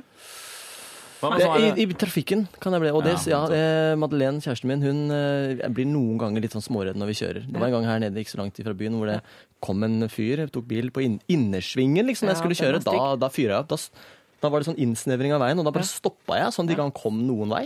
Der tar du det litt Ja, og så ruller jeg ned inn, og så bare Hva er det du driver med? Og da fyra jeg. Ja. Ja, da kan jeg fyre. vi fant det ut. Ja, det, var, fant det ut. det var road rage. Ja, road ragen. Eh, Torbjørn Røe Isaksen, eh, en som skriver til deg her nå. Jeg er selv politisk engasjert, men synes det virker litt skummelt å satse på politikken. Det virker så hardt, personfokus osv. Hva er det beste og verste med å være politiker? Oi, ja, vet du hva? Det beste det er at det er, det er veldig sånn variert. Ja. Eh, så, men det verste, holdt jeg på å si, altså man kan jo ikke, liksom, man kan ikke bli politiker som man blir programleder. Altså Man kan ikke utdanne Det er seg ikke til så en og enkelt. sånn. Nei, ja, nei, det er ikke det, enkelt. du. Men det er mer sånn der, man må jo velges. Altså, det er jo ikke et yrke på den måten. Det er, Det er mer sant. som et, å være tillitsvalgt. Ikke sant? Så Det fins jo broilere som har gått til hele bare har- Ja, jeg er jo en sånn type broiler, ikke sant? men jeg får jo ikke Men jeg, jeg kan ikke Det er jo ikke sånn at altså, hvis ikke velgerne i Telemark vil ha meg på Stortinget, så kan de kaste meg ut. Ja. Hele tida. Ja. Men Hva eh, gjør det med altså, For sånn strengt tatt er jo det litt annerledes enn en del andre jobber. Altså at man Ja, det gjør at man får eh, sånn, sånn man får, ut med en gang. Det er jo litt sånn ikke sant, som programleder. Hvis Ja. ikke seerne vil ha deg på skjermen, så blir du fort tatt bort, altså. Det er det er kanskje litt sånn likt. Ja. Men det, eh, det verste med det, Ja. det er vet du hva, jeg synes det verste med det, det er kanskje noe av det fine også, da. Og det er at man alltid må liksom mene noe litt sånn spisst hele tiden. Ja. Ja. Og det er at det, For det er ingen som vil ha en politiker som sier sånn Nei, på den ene, på den andre siden, her er det veldig Det skal liksom komme sånne statements som er tydelige. Ja. Og det er jo ikke alltid man føler seg like tydelig. Nei. Det er jo av og til man har lyst til å si bare sånn Vet du hva, jeg syns det var et ganske godt argument, det, Ja. Kristin Halvorsen. Det skal jeg gå, skal jeg gå og tenke litt på. Åh, men kan dere ikke gjøre litt mer sånn? da? Jeg tror Jeg har litt lov. lyst til å gjøre det litt Ja, grann mer. Altså, kan særlig når det er noen gode argumenter. Ja. Ja. Men du kan ikke bare sitte sånn Ja, vet du hva, det, jeg, skal, jeg stemmer på deg, jeg, Kristin. Jeg syns du står på. Du gjør en kjempejobb. Det, du, du kan ikke gå for langt. Det kan ikke gå for langt. Torbjørn Røe Isaksen kan ikke, kan ikke gi Kristin Halvorsen for mye goodwill. Jo, det er gøy. Ja, nesten men vi liker hvis det er litt. Sånn ja, så, Vet du hva, nå syns jeg det hørtes så Først nå synes jeg det hørtes veldig smart ut, det Siv Jensen sa. Men nå er jeg liksom enig med Kristin. Torbjørn, er det sånn av og til at du tenker sånn Nå hadde den andre bedre argumenter. Eh, eh, Hva gjør man da? Vet du hva, Det skjer faktisk av og til. Og da bare, da bare ignorerer du det. Så trykker du Det er litt sånn som eh, Da trykker man det ned til en sånn stor skjortklump i magen. som bare ligger der og vokser og elter. Ja. Og så, ja. Men så skjer det jo av og til at man Jeg syns jo det er litt viktig å kunne ha, altså man Ikke endre mening sånn etter vinden og sånn, men man må jo ta inn over seg hvis man får informasjon eller fakta eller noe sånt som eh, tilsier at man burde mene noe annet. da. Jeg følte det var et godt svar fra politikeren eh, på venstre side av meg selv her nå. Men eh, til den som er politisk engasjert, det kan være litt skummelt. Men det går an å leve et godt liv og eh, Herregud, hva er det jeg snakker om nå? Men kan jeg- politikken, er spennende. Ja, men Kan jeg bare stille et spørsmål? Ja. Um, er det sånn at du ofte tenker sånn eh, Dette kan jeg ikke gjøre i tilfelle jeg skulle bli statsråd en dag. Ja, det er jo Oi, litt ja, det vet hun lurer på. Begrenser ja, okay, det deg ja, sånn? sånn ser på Ja. det personlige. Vet du hva? Etter, etter, altså Før så tenkte jeg ikke det. Da jeg var 18 og sånn, så brydde jeg meg jo ikke om det. Men nå har jeg jo tenkt litt på det. ikke sant? Og det er sånn for eksempel hvis jeg kjører for fort nå, Ja. så tenker jeg litt sånn åh, Tenk hvis jeg kommer i avisa hvis jeg blir tatt av politiet. Eller, rein. eller, eller liksom, og jeg prøver jo å være liksom forsiktig og ikke kanskje Hvis jeg tar en øl for mye, så Mm. prøver jeg jo ikke liksom være ute og Du er ikke den som går ned og liksom Ja. brøler i Bogstadveien. men, men samtidig så er jo de aller fleste tingene som gjør at man ikke kan bli statsråd, burde man ikke gjøre uansett. Nei. Godt sagt, så det godt er jo sagt. sånn, der, sånn ja, ikke sant? sextrakassering og fyllekjøring og Ja, bordeller ting, i Riga. Men er ikke dette de kollegaene du skal jobbe med snart? Jo, jo, men det er jo ja, men det er ikke, Vi får se hvor mange av de som blir statsråder. Da. Eh, folkens, eh, send inn eh, problemer du er lei av selv, for vi vil gjerne ha dem. Eh, P3 1987. lralfakrøll.no, det er mailadressen. Eh, vi skal høre litt på Florence and the Machine og You Got The Love.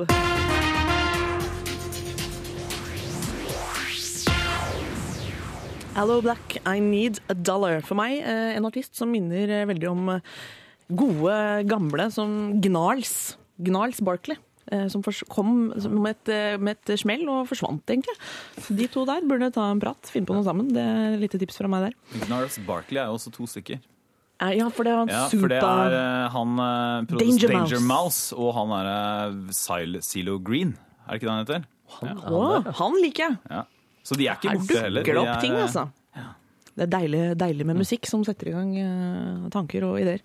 Vi skal over på et nytt eh, problem eh, her i Lørdagsrådet, for det stopper jo ikke å komme inn ting som folk sliter med. Her er det Det lyder som dette. Hei, snekker fra Tønsberg på 23 her. Dette høres kanskje rart ut, men jeg har en kompis som lukter sterkt. Og jeg er redd for å si fra til han, vet ikke åssen han tar det. Hva skal jeg gjøre?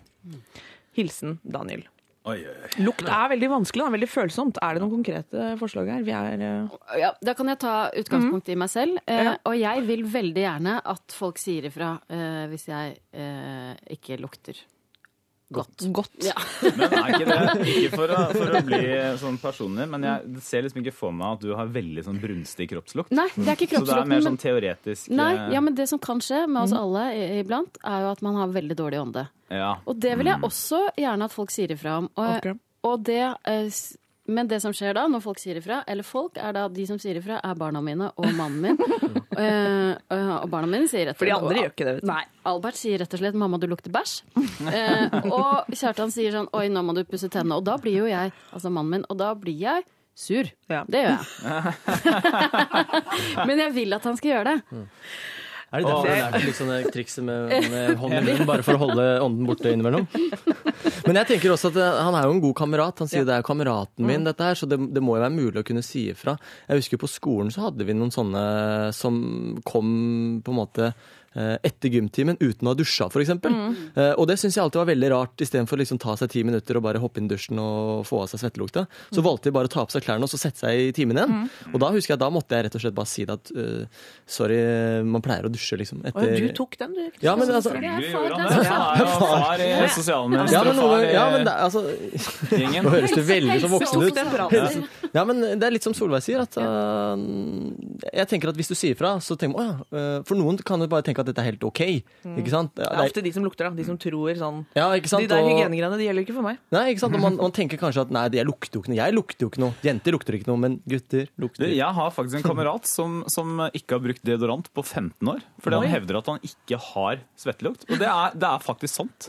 Han lukter ingenting. Det er Ja, men det, det tar ca. ti år før det blir, man blir selvrensende, tror jeg. Så de Det er selvrensende greiene. Det er bare folk med dreads som driver og snakker Ja. om. Ja, Altså. det er motby. Det er Det som er greia med dreads, da Det, det lukter jo. Men alle ser jo at dreads ikke er eh, selvrensende. Ja. Altså, det er jo Enig. skittent. Men jeg, jeg syns den der konfrontasjonslinja er litt for brå. Jeg. Så jeg syns at man skal heller liksom prøve å snike det inn i en samtale. Kanskje Ja. gjøre sånn som Solveig gjorde nå. Ta seg selv som utgangspunkt. Ja. Og sier de sånn Ja, jeg har, åh, jeg har jo Kan man nevne det ved sånn tilfeldighet at jeg, nei, jeg har ofte problemer med liksom, at det lukter litt svette og sånn. Så jeg pleier å ha med meg en eh, litt Jeg er nødt til å gå og liksom, ta en liten dusj eller ha med meg en liten ekstra deodorant eh, for å påføre litt i løpet av dagen og sånn. Ja. Har du også det? Har du Ja, merka sånn, noe sånt? Ja. Si ifra til meg hvis jeg lukter svette, da. Ja. Fordi det er sånn jeg bryr meg om. Ja, det er lurt. Men problemet er da hvis han sier sånn Nei, det har aldri vært en problem for meg. Jeg lukter ikke svette. Det er sant, det kan jo bli det. Men jeg, jeg tenker jo også litt sånn eh, Faktisk, vi lever jo nå i en nesten sånn luktfri verden. Det er ikke noe tvil om det. Vi, de aller fleste eh, vasker seg helt ekstremt mye. Altså, det har aldri luktet mindre i en gate enn i nå. Altså, I hvert fall her i Norge. Eh, Har vi blitt litt hysteriske? Altså, tåler vi ingenting av, av kroppslukt? Sammenlignet med middelalderen så er det jo liksom veldig utfritt Men det er jo ikke noen grunn til å liksom ønske seg tilbake til det. Nei, det, har, Er det, det det? er ikke det. Nei, jeg, jeg bare Det er stort forbruk av parfyme på den tida, da, men jeg tenker jo at uh, Nei, men helt alvorlig her. Ja. Nå har vi alle mulige såper til alle kroppsdeler, og eh, jenter har liksom intimdeo, og vi er Ja, livredde. Altså, det er flauere å på en måte lukte menneske enn det er å Nei, man, vet skal ikke jo hva, kunne, man skal jo kunne lukte altså Det er litt sånn man skal kunne lukte kjæresten sin, men samtidig det med å lukte vondt Ja. Det, Det er vi det, forbi. det tror jeg, ja, det tror jeg Ja. ingen som liker. Jeg tenker at ut, all utvikling er eh, bra. Ja. Eh, og nå har vi fått disse. Ja. Eh, la oss bruke dem. Ja. La oss bruke raust. Er det, er det noe som heter intimdeodorant? Jeg mener det. Ja, det, det, er ganske, det var nytt for meg. Det er et Men jeg- konsept. Men et tips til folk er eh, at hvis Sett at eh, du er i samtale med noen, og de begynner å snakke om Si, sånn som, si sånne ting som Torbjørn. Altså eh, Nei, jeg er en sånn Helt ut av det blå, liksom. Ja, det er rart, da altså. er det et hint om Ja, at du ja. lukter vondt. Ok, Så hva skal snekkeren eh, fra Tønsberg gjøre helt konkret? Han skal si noe om Ja, altså Enten så må han, jo, enten så må han ta konfrontasjonseksempelet, det er jo én mulighet. altså Da må han se han personlig litt. Eller så tror jeg han må bruke seg selv som et eksempel. Men det må jo være i en eller annen setting sånn etter de har liksom snekra i lagene og er svette og sånn. Så sier han da uff, nå er jeg svett. Det er derfor jeg ofte pleier å Men kan de, kan de ta med en deodorant, eller Etter man har snekra og stått ikke sant, hele dagen ute Ja. og tatt seg en pils, nå går vi og tar et ordentlig bad, gutter. Oi, det er Ikke sant? Så kan man gå sammen, for- så kan man liksom ta en ordentlig god dusj. Såpe og ikke sant, hele såpe hverandre inn. og- Ja, men liksom, da er det liksom Kose seg Hvis du da blir en, den siste som står igjen Nei, jeg dropper å dusje i dag, liksom. Nei, kom igjen da, Kjartan. Ikke sant, så er vi jo i gang. Jeg kommer på én veldig ting. over i det homoerotiske, syns jeg. Ja, men kanskje man må Kom være litt der. jeg skal såpe deg. Nei, det er ikke noe problem. Jeg har noen sprayer her og Det eneste som vi nå har glemt her, det er at eh, det er i grunnen ikke nødvendigvis svette han lukter, for det er faktisk noen mennesker som lukter litt sånn Han bruker en kompis som lukter sterkt. Vi, kan- vi kan gå ut ifra at det er svette, men jeg vet om folk som lukter sånn veldig distinkt litt vondt. Men, Som gammel mann.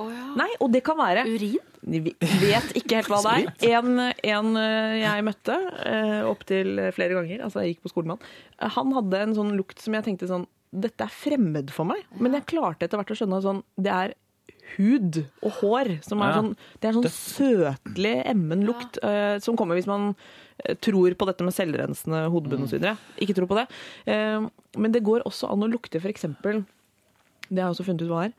Eh, klær som ikke blir tatt ut av Ja, vaskemaskinen. litt sånn gamle Skjønner du hva jeg mener? sånn Altså, det er en lukt Ja. Som kan være Jordslag. Ja. Ja. Den er, Jordslag, ja. den er spesiell, Og ja. eh, men den kan absolutt være ja, sterk. og den blir du ikke kvitt hvis du først har fått jord, Og folk som bor i jordslag. hus med, med fukt og råte, de lukter jo mugg. Altså, De kan lukte mugg uten å lukte det selv. Det er, eh, Ja. det, det, er, det er mange ting man kan lukte. Her får vi faktisk inn en SMS. da. Her er forslag hva, til hva Daniel, som er snekker på 23, kan gjøre. Eh, dra vitser om lukt i nærheten av den som lukter. Altså trakassere ham. Ja. Eventuelt. Eller et eksempel som min far alltid tar. Eh, sitat. Jeg ser godt, hører godt, men jeg lukter ikke så godt. Og jeg godt. ser eh, Torbjørn ta den i neste debatten. som han skal. Men folkens, jeg ser godt, jeg hører godt, men jeg lukter ikke så godt. Det er en god avslutning. Ah, ja, vi kommer vel ikke forbi at eh, man på et eller annet vis må innom tema hvis man skal få noe forbedring her. Og jeg, jeg husker da jeg var ungdom, så var det en lærer som liksom vedvarende alltid luktet vondt. Han fikk jo alltid, Alltid. sånn deo-gave. Ja. Da følte man seg veldig lur. Sånn, vi gjør det, vi gir han det. Kanskje det ikke var så dumt, men han begynte det jo ikke å der, bruke der det. er for det en klassiker. Alle skoler har liksom hatt han der læreren Ja. som ikke lukter så godt. Ja. Ikke bare én, det var regelen mer enn unntaket, var det ikke Ja, det er det? det, vet du. Så det kan jo faktisk eh, Vi ler litt av det, men kanskje plutselig det kommer en eh, liten deilig eh, egenpleiegave. Hvem vet? Det kan jo være sånn Ja, ikke sant? Spabehandling. en liten. Ja. Og da skal man ta imot og si takk. Ja. Da, det skal man faktisk. Ah, svettelukt, ja. Sliter du med noe à la dette eller eh, noe helt annet, så, så må du bare sende det til oss. P3 1987 LR alfakrøll nrk.no. Nå skal vi lytte litt eh, på Arctic Monkeys og Are You Mine? Lørdagsrådet på P3. Velkommen inn med Veronica Maggio. Hun har jo de kuleste festene der hun bor, tror jeg. Der er det kø fra gataen og opp til hallen hver gang hun har party, og det er eh, en fest jeg har lyst til å være på, i hvert fall. Ellers så er hun en skikkelig idiot som dørvakt. Det kan også Eller så er det sånn at det er veldig kort kø. vei fra døra til den hallen, da. Og det er jo også et alternativ. Jeg tenker bare at den dama der, ass, den festen skulle jeg vært på. Før det så var det um, Are You Mine med Arctic Monkeys. Eh, vi har en liten greie på Facebook akkurat nå. Eh, live and direct. Eh, der ligger det tre bilder av eh, panellørdagsrådgiverne våre i et par solbriller som eh, Torbjørn Røe Isaksen eh, lurer på. Han trenger faktisk råd fra dere. Er det damebriller, eller er det ikke? Jeg syns de er veldig kule. Det er jo promobilder for turneen vår. Ja, klikk dere! Vi ser jo det. det jo... Se på den gjengen. da. Klikk dere inn og se på den fine gjengen som sitter her i dag. Eh, vi skal gå videre på, på flere eh, problemløsninger, vi. Eh, kjære Lørdagsrådet. I forrige uke så sa dere at man ikke skal flytte fra kjærligheten. Og det er akkurat det jeg har gjort. Jeg har på en måte ikke noe valg ettersom jeg kom inn på Kunsthøgskolen i Bergen, eh, men kjæresten min fikk jobb i Oslo. Nå har jeg vært der ca. to år, trives veldig godt på skolen, men ikke så godt i Bergen by. Kunsthøgskolen er vanskelig å komme inn på, så man kan nesten ikke takke nei. Men nå har jeg søkt uh, Kunsthøgskolen i Oslo og kommet videre til opptak og intervju der. Forrige gang jeg søkte, fikk jeg nei i Oslo, men ja i Bergen. Altså. Derfor er hun i Bergen. Hvis jeg kommer inn i Oslo, så må jeg gå andre året om igjen, som jeg nesten er ferdig med. Det betyr et ekstra år med studier på meg, eh, som har et megahøyt studielån fra før. Hva skal jeg gjøre? Jeg har i så fall kun ett år igjen her i Bergen, men med to ekstra år i Oslo, byen jeg trives i, og der kjæresten min er. What to do? Hilsen kunststudent. Det som er bra, er jo eh, ikke sant, at om hun tar et ekstra år eh, på skolen, skolen, så utdanner hun seg jo til å bli kunstner, så hun kommer jo til å tjene vanvittig mye penger. Så det er ikke noe Ikke tenk på det studielånet, i hvert fall. Nei. Enormt.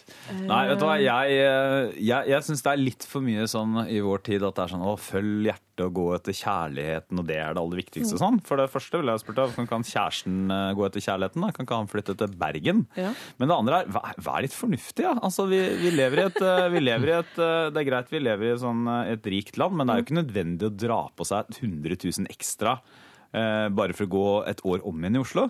Så ta deg et år til i Bergen. Ja. eh, Og bli ferdig, og ja, bruk heller eh, pengene på noe annet. Torbjørn Røe Isaksen der er jo da fornuftens talsmann. Ja, vi lever kanskje i en tid hvor, hvor vi er litt eh, Altså, jeg- jeg- styrt ja. av den lyst, lystfølelsen. Sånn følg hjertet ditt, følg, følg magefølelsen snakker vi mye om. Jeg er, også, jeg er jo egentlig en sånn følg hjertet ditt-fyr, da. Jeg har egentlig alltid vært sånn eh, Tenkt det fornuftig, men gjort det litt sånn ufornuftig, og havna egentlig her jeg er i dag fordi jeg bare har gått etter det jeg har lyst til. Eh, kanskje hadde jeg ikke akkurat eh, de kvalitetene da jeg var ung, men jeg hadde veldig lyst, og så bare kjempa jeg, sto på og fikk det til. Men samtidig så er det noe med det å, å, å se sine litt sånn OK, hvor fornuftig er det, og hva får jeg ut av å gjøre den lille endringen? Sånn som hun går på Kunsthøgskolen i Bergen Ja. eh, kontra Oslo, kjæresten, sånne ting. Eh, Jeg tror at det der kommer til å løse seg. Bergen og Oslo er jo ikke så langt. Det er jo ikke sånn at, det, at det står og faller på dette her. Ta, jeg er litt sånn som akkurat her, jeg er litt sånn som Torben. Ta det ekstra året, i, ta, gjør ferdig Bergen, og, og så klarer du å møte kjæresten din eh, utover det. Nei, jeg tenker eh, ta, flytt til eh, Oslo. Nå har du opplevd Bergen. Det er, eh, det er tungt å være i Bergen en vinter til. Jo, men det, Det er regner. Det regner. Det regner, og det er helt sant. Jeg har studert i Bergen. Det regner fra juli Ja. til eh, mai. Det er fint vær under festspillene i mai. Ja, det er drøyt. Ellers Jeg regner det. faktisk på Men hun har ikke Solveig, kommet inn i Bergen. At det er veldig sjelden at noen skriver inn sånn 'jeg bor i Bergen', og så uten å nevne at de holder på å dø av at det regner hele tiden. Så det har hun jo tydeligvis eh, taklet ganske greit, da, siden hun ikke har nevnt det. Faktisk. Men um... Men må, på, må du ikke tenke litt på altså Jeg skjønner at det regner i Bergen, og sånt, og det er mange bergensere der. Og, Vi bor i verdens rikeste land. Eh, Vi men, trenger ikke men at det er jo, regner hele altså. Hvor mye koster et studielån et år? Er ikke det ca. Sånn 60 000? Kanskje er det noen skolepenger sånn. Si 100 000, da. Så det er altså 100 000 kroner som Ja. du pådrar deg. Ja. eh, I ekstra lån bare for å, å ikke være der det regner og være litt nærmere kjæresten. hun Er det skal bli virkelig world fornuftig? famous artist. Men det kommer litt an på, ja, for jeg eh, lurte litt på også, altså Kunsthøgskolen i Bergen og Kunsthøgskolen i Oslo er jo litt forskjellige. da. Det kommer litt an på hva hun skal studere. Altså, er- går det på, sk- altså, Ønsker å bli skuespiller, f.eks., så, inn- så skjønner ja. jeg så Ja. skjønner Er jeg ikke det Nei, det er Kunsthøgskolen i Oslo, Ja, det også. Så da skjønner jeg på en måte at ok, hvis hun får den sjansen, øh, og kommer inn i Oslo, så vil jo det kanskje gi en større mulighet for Ja, jobber. Men hvis det er sånn at hun må male de samme maleriene Ja, bare ikke en gang til Ja. Det er jo ikke så, så Det, spennende. da er det kanskje ikke noe Mm. Eh, Men jeg tenker at eh, det studielånet er eh, om det er 60 000 til på det studielånet. Det er småpenger, det. Ja. Det er jo Altså hvis du føler Jeg tenker Hvis hun er sikker på at det forholdet Hun er jo ikke så engstelig for at eh, Hun, hun fremstiller jo ikke som at det kommer til å ryke hvis hun blir, fortsetter å være i Bergen. Det er jo egentlig ikke det hun sier. Hun syns det bare er eh, kjipt. Men, eh, så hvis forholdet tåler det, så Ja, men så er det til på skolen også, så du skal ta andre klasse om igjen. Og jeg synes ikke det Det høres ut som noe seks Altså, hvis hun ikke syns det er helt ulidelig å være i Bergen, da. Hvis hun syns det er helt sånn forferdelig og er i ferd med å få depresjoner eller noe sånt, så ville jeg kanskje ikke, hun takler jo regnet, til og med. Men 60 000 i flybilletter er mye, da. Men hvis det handler om Ja, ikke sant? Og hvis det handler om økonomi, så kan hun bestemme seg for at i år, nå er det kjøpestopp. Det går an. Kjøpefesten er over. Kjøpefesten er over for min del, i hvert fall. Dette året. Ja. Uh, og leve litt sånn på spagetti og ketsjup, da. Og ha det litt Ja, trangt. og som kunstner så kan hun like godt bli vant til det tidlig. det, det kan Øve deg på den ja. sultne kunsttilværelsen. Uh, vi er eh, Kan vi konkludere Vi kan konkludere med at fornuften har litt sånn dårlig rykte. Den har blitt litt sånn den kjipe Hva skal vi kalle den? Kvaliteten som er litt sånn Å, er du fornuftig, du, da? Ja. Så, så kleint å være fornuftig. Vi vil jo alle være impulsive og fantastiske og Vi har følge muligheten, hjertene våre. vet du. Vi kan Ja. være det. Vi kan det. Eh, men hvis du forholdet ditt eh, tåler et år til i Bergen, så, så bli i Bergen, da. Kan vi si Ikke det sånn? følg hjertet. Det er konklusjonen. Ikke følg hjertet, følg fornuften! Vår tids eh, nye superfølelse. Dette Vi håper at eh, kunststudenten eh, finner seg til rette hvor enn hun eh, ender opp. Jeg håper hun lager noe sabla bra kunst òg. Jeg håper hun blir skikkelig steinrik. Ja, vi så hva Skrik gikk for. Ja, ja, ja. Ja. Det er en sånn running gag nå, føler jeg. Sånn. Lag noe sånt, da, så blir du rik. Lag noe med fine farger og få på noen peniser, så, så kan det bli skikkelig skikkelig dyrt og, og veldig populært. Det er tipset, tips, faktisk. Heartbeat, Childish Gambino, skal vi kose oss med nå. Lørdagsrådet Childish Gambino der. Det er mannen som eh, både kan lage komikk og musikk. Vi ble vel enige om i forrige sending at han er en sånn sort, vellykket utgave av Kristian Valen. Det, for de som ikke vet det. Eh, vi skal gå videre på et nytt problem her. Hei, Lørdagsrådet. Hvordan sier man fra til den man deler leilighet med at det ikke er greit å ha høylytt sex når jeg har besøk? Kall meg gjerne anonym. Vet du hva, jeg syns da, det, da sier man sånn Hei, det er ikke greit å ha høylytt sex når jeg er på besøk. Så banker du veldig høyt i veggen. Da bare går vi videre i sendingen. ja, er det ikke liksom Kan man ikke si det? Altså En eller to ganger så kan det sikkert uh, være ok, Ja. uh, hvis man bor sammen med kamerat eller venninne. Men hvis det skjer hver eneste kveld, Kanskje det er det som trigger dem? ja, og du ligger med, med øreklokker og liksom får ikke, får ikke sove og sånn, så er det greit å si sorry, kan dere dempe det litt? Ja. Eller man, man kan ta igjen med samme mynt, da, selv om man ikke er kjæreste. Så hvis man har sex med seg selv inne på sitt eh, rom i kollektivet, så kan man Men når man vet at de andre sitter i stua Ah, Kjære er frekk, ass! Kjære lytter, eh, hvis du akkurat har skrudd på, så er det Lørdagsrådet du hører på.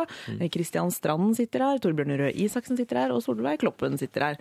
Og de er, som dere hører, blir litt varme i trøya og kommet godt i gang med Simulere sex på direkten på lørdag morgen. Det er sånne ting vi driver med her. Eh, men, men når sier man fra til romkameratene om dette? Altså, det er vel fortrinnsvis i forkant av bråkete samleier? da? Nei, jeg, altså jeg tror helt sånn alvorlig så tror jeg tror ikke det går an å si fra i forkant sånn hei, du eh, kan ikke, ikke være så bråkete når du har samleie i kveld. Eh, så jeg tror at det man kan, kan, kanskje er mulig, sånn, det er liksom dagen etter når man møter hverandre sånn, på vei til badet eller et eller annet sånt, så Ja. sier man sånn ja, det var mye lyd i dere i går. Eller noe i den duren der. Er ikke det Jo, jeg tenker at man må gjøre bare sånn kort prosess. Man sier sånn eh, Dikken, eh, du må bare være klar over at det er veldig tynne eh, vegger i den leiligheten. Bare så du vet det. Ja. Jeg hørte at dere hadde sex i går. Ha det. Jeg tenker at man snakker om sex, dette er unge folk, da, da kan man faktisk si sånn ikke ha så bråkesex. Mm. Når for besøk kan jo være f.eks. bestemor. Åh, det er greit. Altså, det kan jo være litt sånn slitsomt Uh... Men bare ikke oppfør deg som hun uh, kjipe venninna som aldri får sex. Nettopp! Ikke For det var Ikke vær så bråkete sex, jeg får aldri noe sex. Ja, jeg vet nemlig om, og, og der må jeg bare komme med et lite innspill. Uh, en venninne av meg bodde sammen med en, eh, en ganske snerpete romvenninne. Eh, og det, var ikke sex eh, i leiligheten som var problemet, men det var det at eh, den single damen over, som eh, ifølge min venninne ikke hadde hatt seg på årevis, hadde to samleier i løpet av et halvt år, hvorpå hun, eh, romkameraten, åpner opp vinduet, roper at det må stoppe, og bruker også, dette er ikke tull, kosteskaft. Altså dette dunk, dunk, dunk tilbake. Altså ble helt rabiat. Men hva Den personen vil man jo ikke være. Nei, man ikke. Men hva hvis det er sånn... må ha lov til å ligge med hverandre. Ja, det, det, er veldig, det er viktig at mm. folk gjør, eh, og, og, og gleder seg over det. Det Men sier hva du som politiker. er så- Ja, det sier jeg som politiker, og det er bra for nasjonalregnskapet også, eh, når det blir barn og sånt. Men hva hvis eksempel når, du, når Solveig da sier sånn Å, Benedikte, du, må ikke ha så, du er veldig tynne vegger her, sier du og prøver å hinte. Ja. Og så svarer da kanskje Benedikte ja, det vet vi. Ja. At det er kanskje litt av greia. Det er jo noen som har det litt sånn. Ja, ja, At de. Som det er litt liker det litt, ja. Ja, altså, hva gjør man da? Oi. Du ble helt sjokkert nå, Solveig. Ja. Ja, for det slo det er jo ikke folk som liker det, at noen hører på. Vet du. Ja. Folk er rare. Men uh, uff, da må du flytte, da. Det er ofte det Lørdagsrådet ender med, hvis, hvis, hvis vi står litt fast. Det beste er når du flytter. flytter. Nei, men jeg tror det er, Her er det bare det der å liksom få det inn i en samtale Ja. sånn tidlig om morgenen. Er ikke det ganske naturlig? Og de fleste vil jo synes det er litt flaut. Ja, for det tenker jeg også at hun at De må jo synes etter hvert at det er litt sånn flaut. Vil, altså Begge vil jo kanskje ikke synes at det er sånn Jeg håper at naboen nå hører på. jeg ser ikke for meg det. Nei, Kanskje, Nei, kanskje for meg at, må du skrike hele tida? Kan jo hende at partneren syns det. da liksom At det blir litt mye. Ja. Kanskje de finner ut av det. Eh, ha gjerne høylytt sex, eh, men ikke når jeg har besøk. Det er jo en, en eh, mulig kommentar. Altså, lykke til videre med sexlivet. Bare en liten pause akkurat idet jeg er i stua. Mm. Eller man kan begynne å analysere lydene. Altså, du, for jeg hørte Kristian, jeg hørte deg ha sex i går. Jeg, lurte på, jeg følte at du faka liksom den slutten. Oh, ja. At man kan ta det den. Det er også et alternativ. Her får du Laura med Sister Sisters. Lørdagsrådet Det var eh, rockegutta fra Oslo S og låta Caroline, og før det så var det Sister Sisters med Laura. Eh, Lørdagsrådet består i dag av eh, programleder Solveig Kloppen, politiker Torbjørn Røe Isaksen og forbrukerinspektør og journalist eh, Christian Hei. Strand. Ja. Hei, hei, folkens. Det kommer jo nye lyttere til. Ja, ja, ja. ja. Eh, faktisk kan dere gå inn på Facebook, og så kan dere hjelpe Torbjørn Røe Isaksen med å finne ut om han kan gå i de solbrillene han har på for dagen. Eh, det har kommet inn noen kommentarer. Ja, hva sier folk? Folk sier, Noen sier absolutt, det kan han. Eh, alt kler den smukke. Smilefjes er det noen Ja. som er inne på her. Det er også noen som Eh, sier at det er stygge briller, og at Christian kler dem desidert best. Ja, det er det også folk som sier. Så skriv hva dere mener. Eh, jeg syns dere ser uforskammet godt ut, eh, alle tre. Det må jeg si. Det er kanskje noe med altså, at vi dekker til øynene og ikke ser liksom posen og Pluss at det er sort-hvitt. ja, ikke sant? Og hva er eh, problemet egentlig, Torbjørn, med de brillene? Nei, altså problemet da, Jeg fant ikke de vanlige solbrillene mine i dag, så Nei. da dukka de her, opp. Eh, og det er Jeg syns det ser ut som damebriller. Og det er fordi det er en liten sånn herre hva skal man si, På den brillestanga Ja. så er den litt sånn forseggjort. Så den ser litt sånn femi ut, pluss at det er nok egentlig solbrillene til kona mi. så Det også styrker jo selvfølgelig mistanken da, om at det er damebriller. Er. På den annen side så da har jeg, jeg vil jo, I dag er det sol, vakkert vær i Oslo. Ja, det er det. Trenger noe for å beskytte øynene. Ja, rett og slett.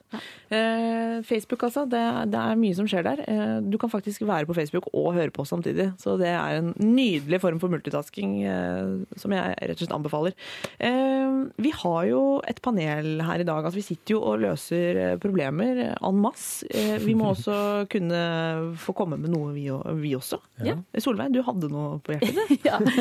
Først er i gang. Ja. Det har seg sånn at jeg og Kjartan, min mann, vi giftet oss for syv år siden. Da fikk vi i gave eh, fra vår eh, venn Jeg skal ikke si navn, men han er eh, en tidligere kollega, altså han er programleder og kunstner. Okay. Fra ham eh, fikk vi, og det er veldig raust, fikk vi et gavekort på et uh, maleri. Oi. Han lager fantastiske ting. Så spennende. Vi ble kjempegladd. Det maleriet har vi ikke sett ennå. Oh. Det har ikke kommet, og det er syv år siden. Eh, Er det, er det lov for å, for å snoke litt? Og ja. Er det lov, er, er han en type som, som eh, Altså Er han en sånn type som kunne funnet på å liksom snike seg unna bryllupsgaven ved å gi et gavekort? Nei. Og det skal sies også at vi vi er jo sånne, vi er så flotte folk at vi ønsket oss, i stedet for bryllupsgaver, så ønsket vi oss eh, bidrag til SOS Barnebyer. Nei. Så det var han, ja, Utrolig fint. ja, ikke sant, raust. Der fikk jeg fortalt det også. Men, men så, det var ikke noe grunn til at han Nei, til unnasluntring eller sniking. Han er jo kunstner, han kan jo være en litt sånn sosete type. Kanskje, men Ja. ellers så kan det hende at i en eller annen barneby i Vietnam for eksempel, så er det nå et kjempeflott maleri. Ja, av denne mannen. Du Ja. er sikker på at ikke det var det som var eh, gaven?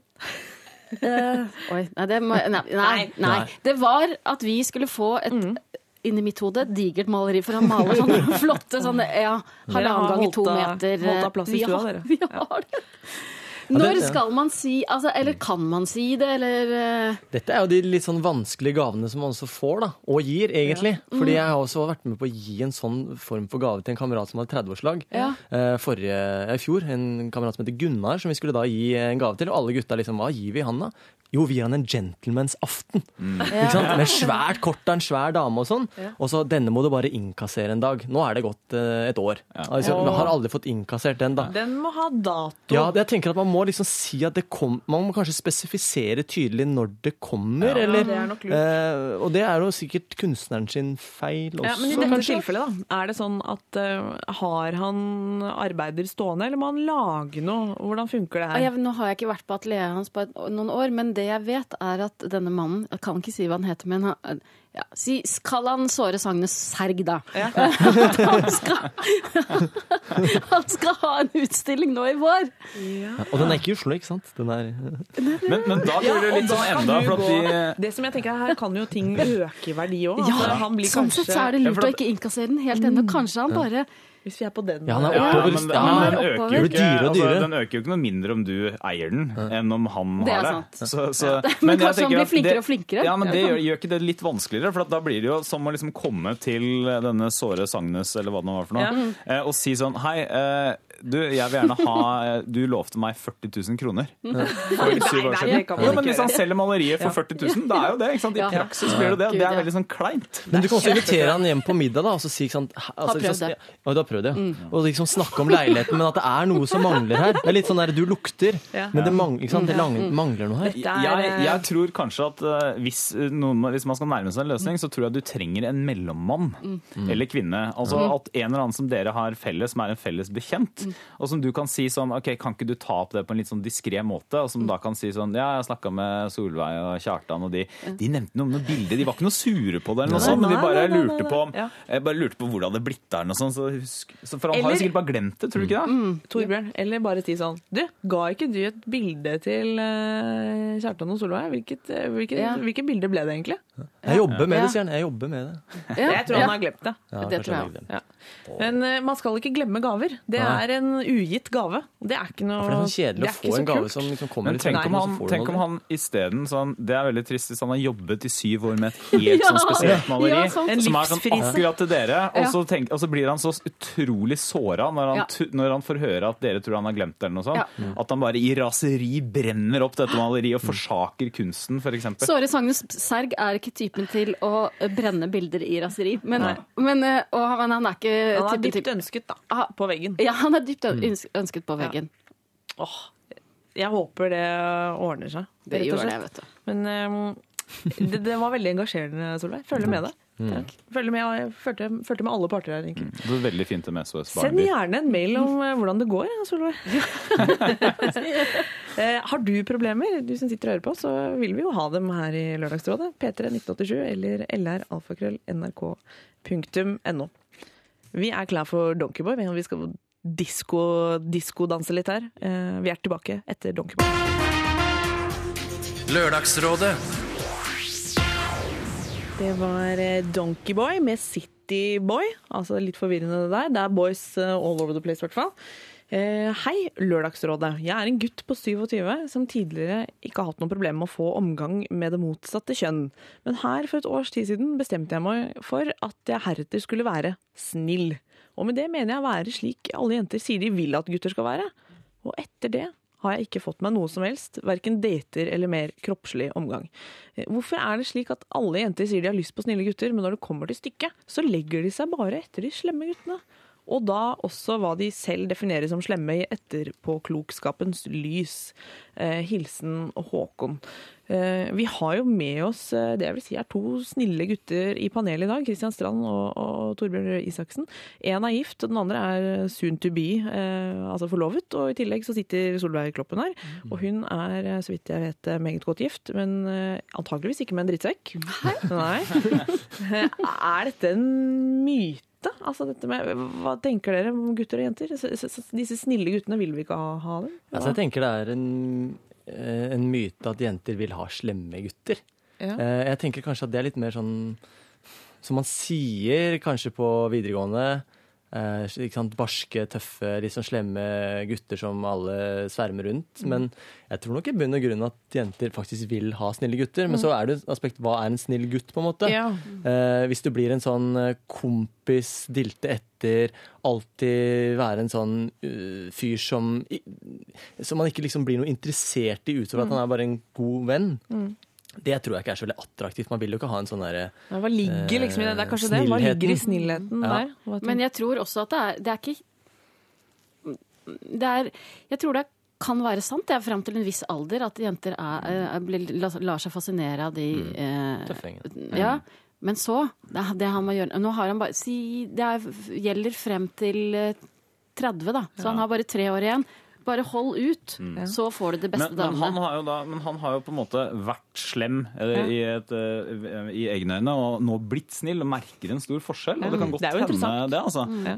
Men jeg tror det har litt med er det, Jeg vet ikke om dere har lekt den leken som heter hvor du skal ha tre personer, skal du skyte én, Ja. eh, ligge med én og gifte deg med én.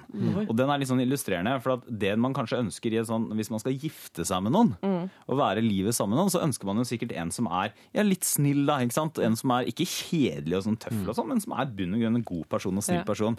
Men hvis det er bare litt den der flørten eller man er ute, eller den man liksom faller for ute på byen, eller noe sånt, så er det kanskje litt andre ting som uh, spiller inn. Ja. At det er liksom vanskelig å spille ut det der snille personregisteret ute på byen. Ja, det er I de settingene der. Altså, det tenker, ja, det, det krever litt tid da, for å bli liksom av det.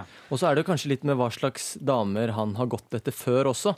Hvis han tidligere fikk masse damer som ville ligge med en, så har han kanskje gått i et kanskje et sånn form for miljø som liker de litt sånn tøffe, kule, tøffe gutta. Ja. Og så nå skal han i det samme miljøet være den, der, den veldig supersnille, så kanskje hvem er ikke sant? Det blir litt sånn schizofrent. Ja. Jeg, jeg, jeg lurer på, dere to, Mm. nå snille menn, har dere vært innom en sånn slem periode, eller har dere kjørt på Ja, Altså, I hvert fall, De fleste har kanskje hatt en litt sånn slemmere periode. i hvert fall. Altså, jeg har jo aldri vært, jeg er jo en litt sånn myk, myk mann.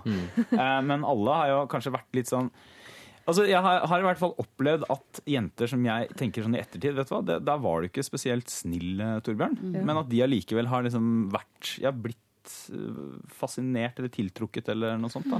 Det er jo noe med altså, Hva ligger i begrepet snill? Altså, Er snill det samme som myk, myk, myk? Ikke ha egne meninger, ikke Men- men vise motstand? motstand? For det er jo sånn- kjedelig. Men er det ikke Det litt vil sånn at jenter ofte så ofte, altså Hvis man ikke sier slem, men det man altså Man blir jo veldig lett tiltrukket av det man ikke kan få. Der ligger Ikke det jo sant? mye. Og veldig mange, sånn, Det er typisk sånn når man dater og sånn, ikke sant? så blir det i det øyeblikket du skjønner sånn Wow, hun, vi kan bli sammen. Eller han er kjempeinteressert i meg. Så er det en del som trekker seg litt unna. Så det er kanskje litt det hvis man ikke klarer Den derre spenningen, det er kanskje det som er litt med at man Ja, er tenker, slem. ja, da. jeg tenker at det å behandle folk eh, ordentlig og godt, det, er liksom, det, er ikke, det motsier ikke at du ikke kan eh, når du er for eksempel på byen, da, eh, være litt sånn, kall det playboy. da, ikke sant? At du kan på en måte spille de begge korta likt. Du trenger ikke å være en drittsekk eh, og så bli veldig attraktiv.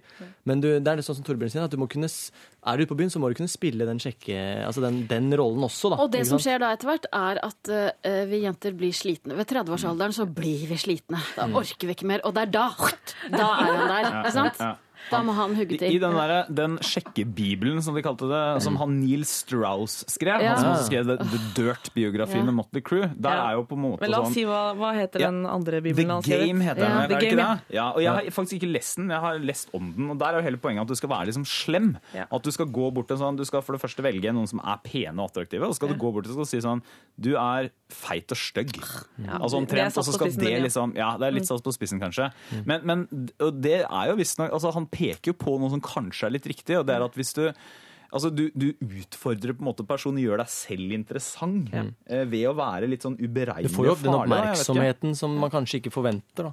Kanskje det er et alternativ for denne for Håkon. eh, At han kan kjøre på litt med det, litt mer av det spillet. Altså at han kan tørre å være litt kjappere i replikken. Ikke gå inn liksom med å, med å legge deg ned og være myk, men liksom utfordre den du er interessert i med noen, en litt frekk inngang. Og det betyr jo ikke at du Må være slem. eh, må være slem Nei, Kan det ikke være end. morsom og liksom sjarmerende Ja, istedenfor å være slem? Ja, slem legger litt vi kostbar, død. da. Og litt Ja, litt kostbar, for kostbar er så spennende. Det er alltid det man vil ha. Men så er Beklager, det- det er sant. Men jeg tror også Solveig har rett. Altså at på et eller annet, han, er liksom, han er 27 nå, så det er liksom i det skjæringspunktet der, så begynner nok mange jenter å bli Da er man på en måte på jakt etter litt er vi annen jenter type sånn menn. at vi liksom vil, vi vil ligge med en fyr, og så skal vi liksom eh, gifte oss, og da snur vi oss eh, 90 grader rundt og finner en helt annen? Sånn er vi sånn? Sånn er vi. Det er sånn vi er. Ja, men Er det ikke bare naturlig at man, det, man faller, faller for litt andre ting i en som man skal bli sammen med? Ja, men skal man ikke falle annet. for alt, da?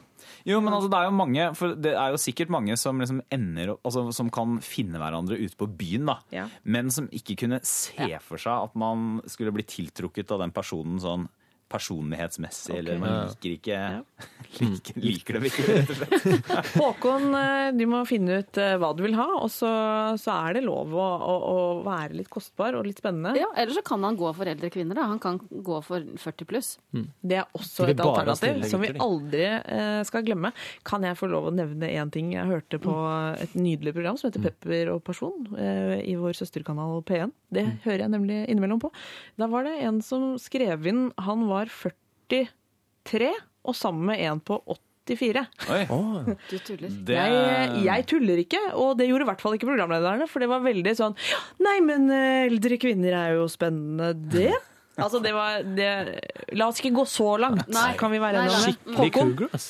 Håkon ikke, ikke, opp, ikke opp i, på 80-tallet der. Litt, litt opp er lov. Men det er jo ikke en cougar, altså, det er mer sånn et panterskinn. Ja. Pantertanter. Det var mannen som var ung, da. Ja, ja, ja, ja, men allikevel, hun er jo ja, et, Ja, det ikke en panter, hun er jo da en, et Hun er en panterskinn. pantertante, rett og slett. Ja, Ja, ja, pantertante. Pansertante. Ja. Lykke til, Håkon. Ja, lykke til. er, og hvis du, hvis du på en måte har det i deg, du fikk jo masse damer før ved å være litt røffere, gå litt tilbake til det, da. Det er ikke, det er ikke verre enn som så. Uh, vi går videre i sendingen, som jeg liker å si. Vi skal høre litt uh, musikk. Bittersweet.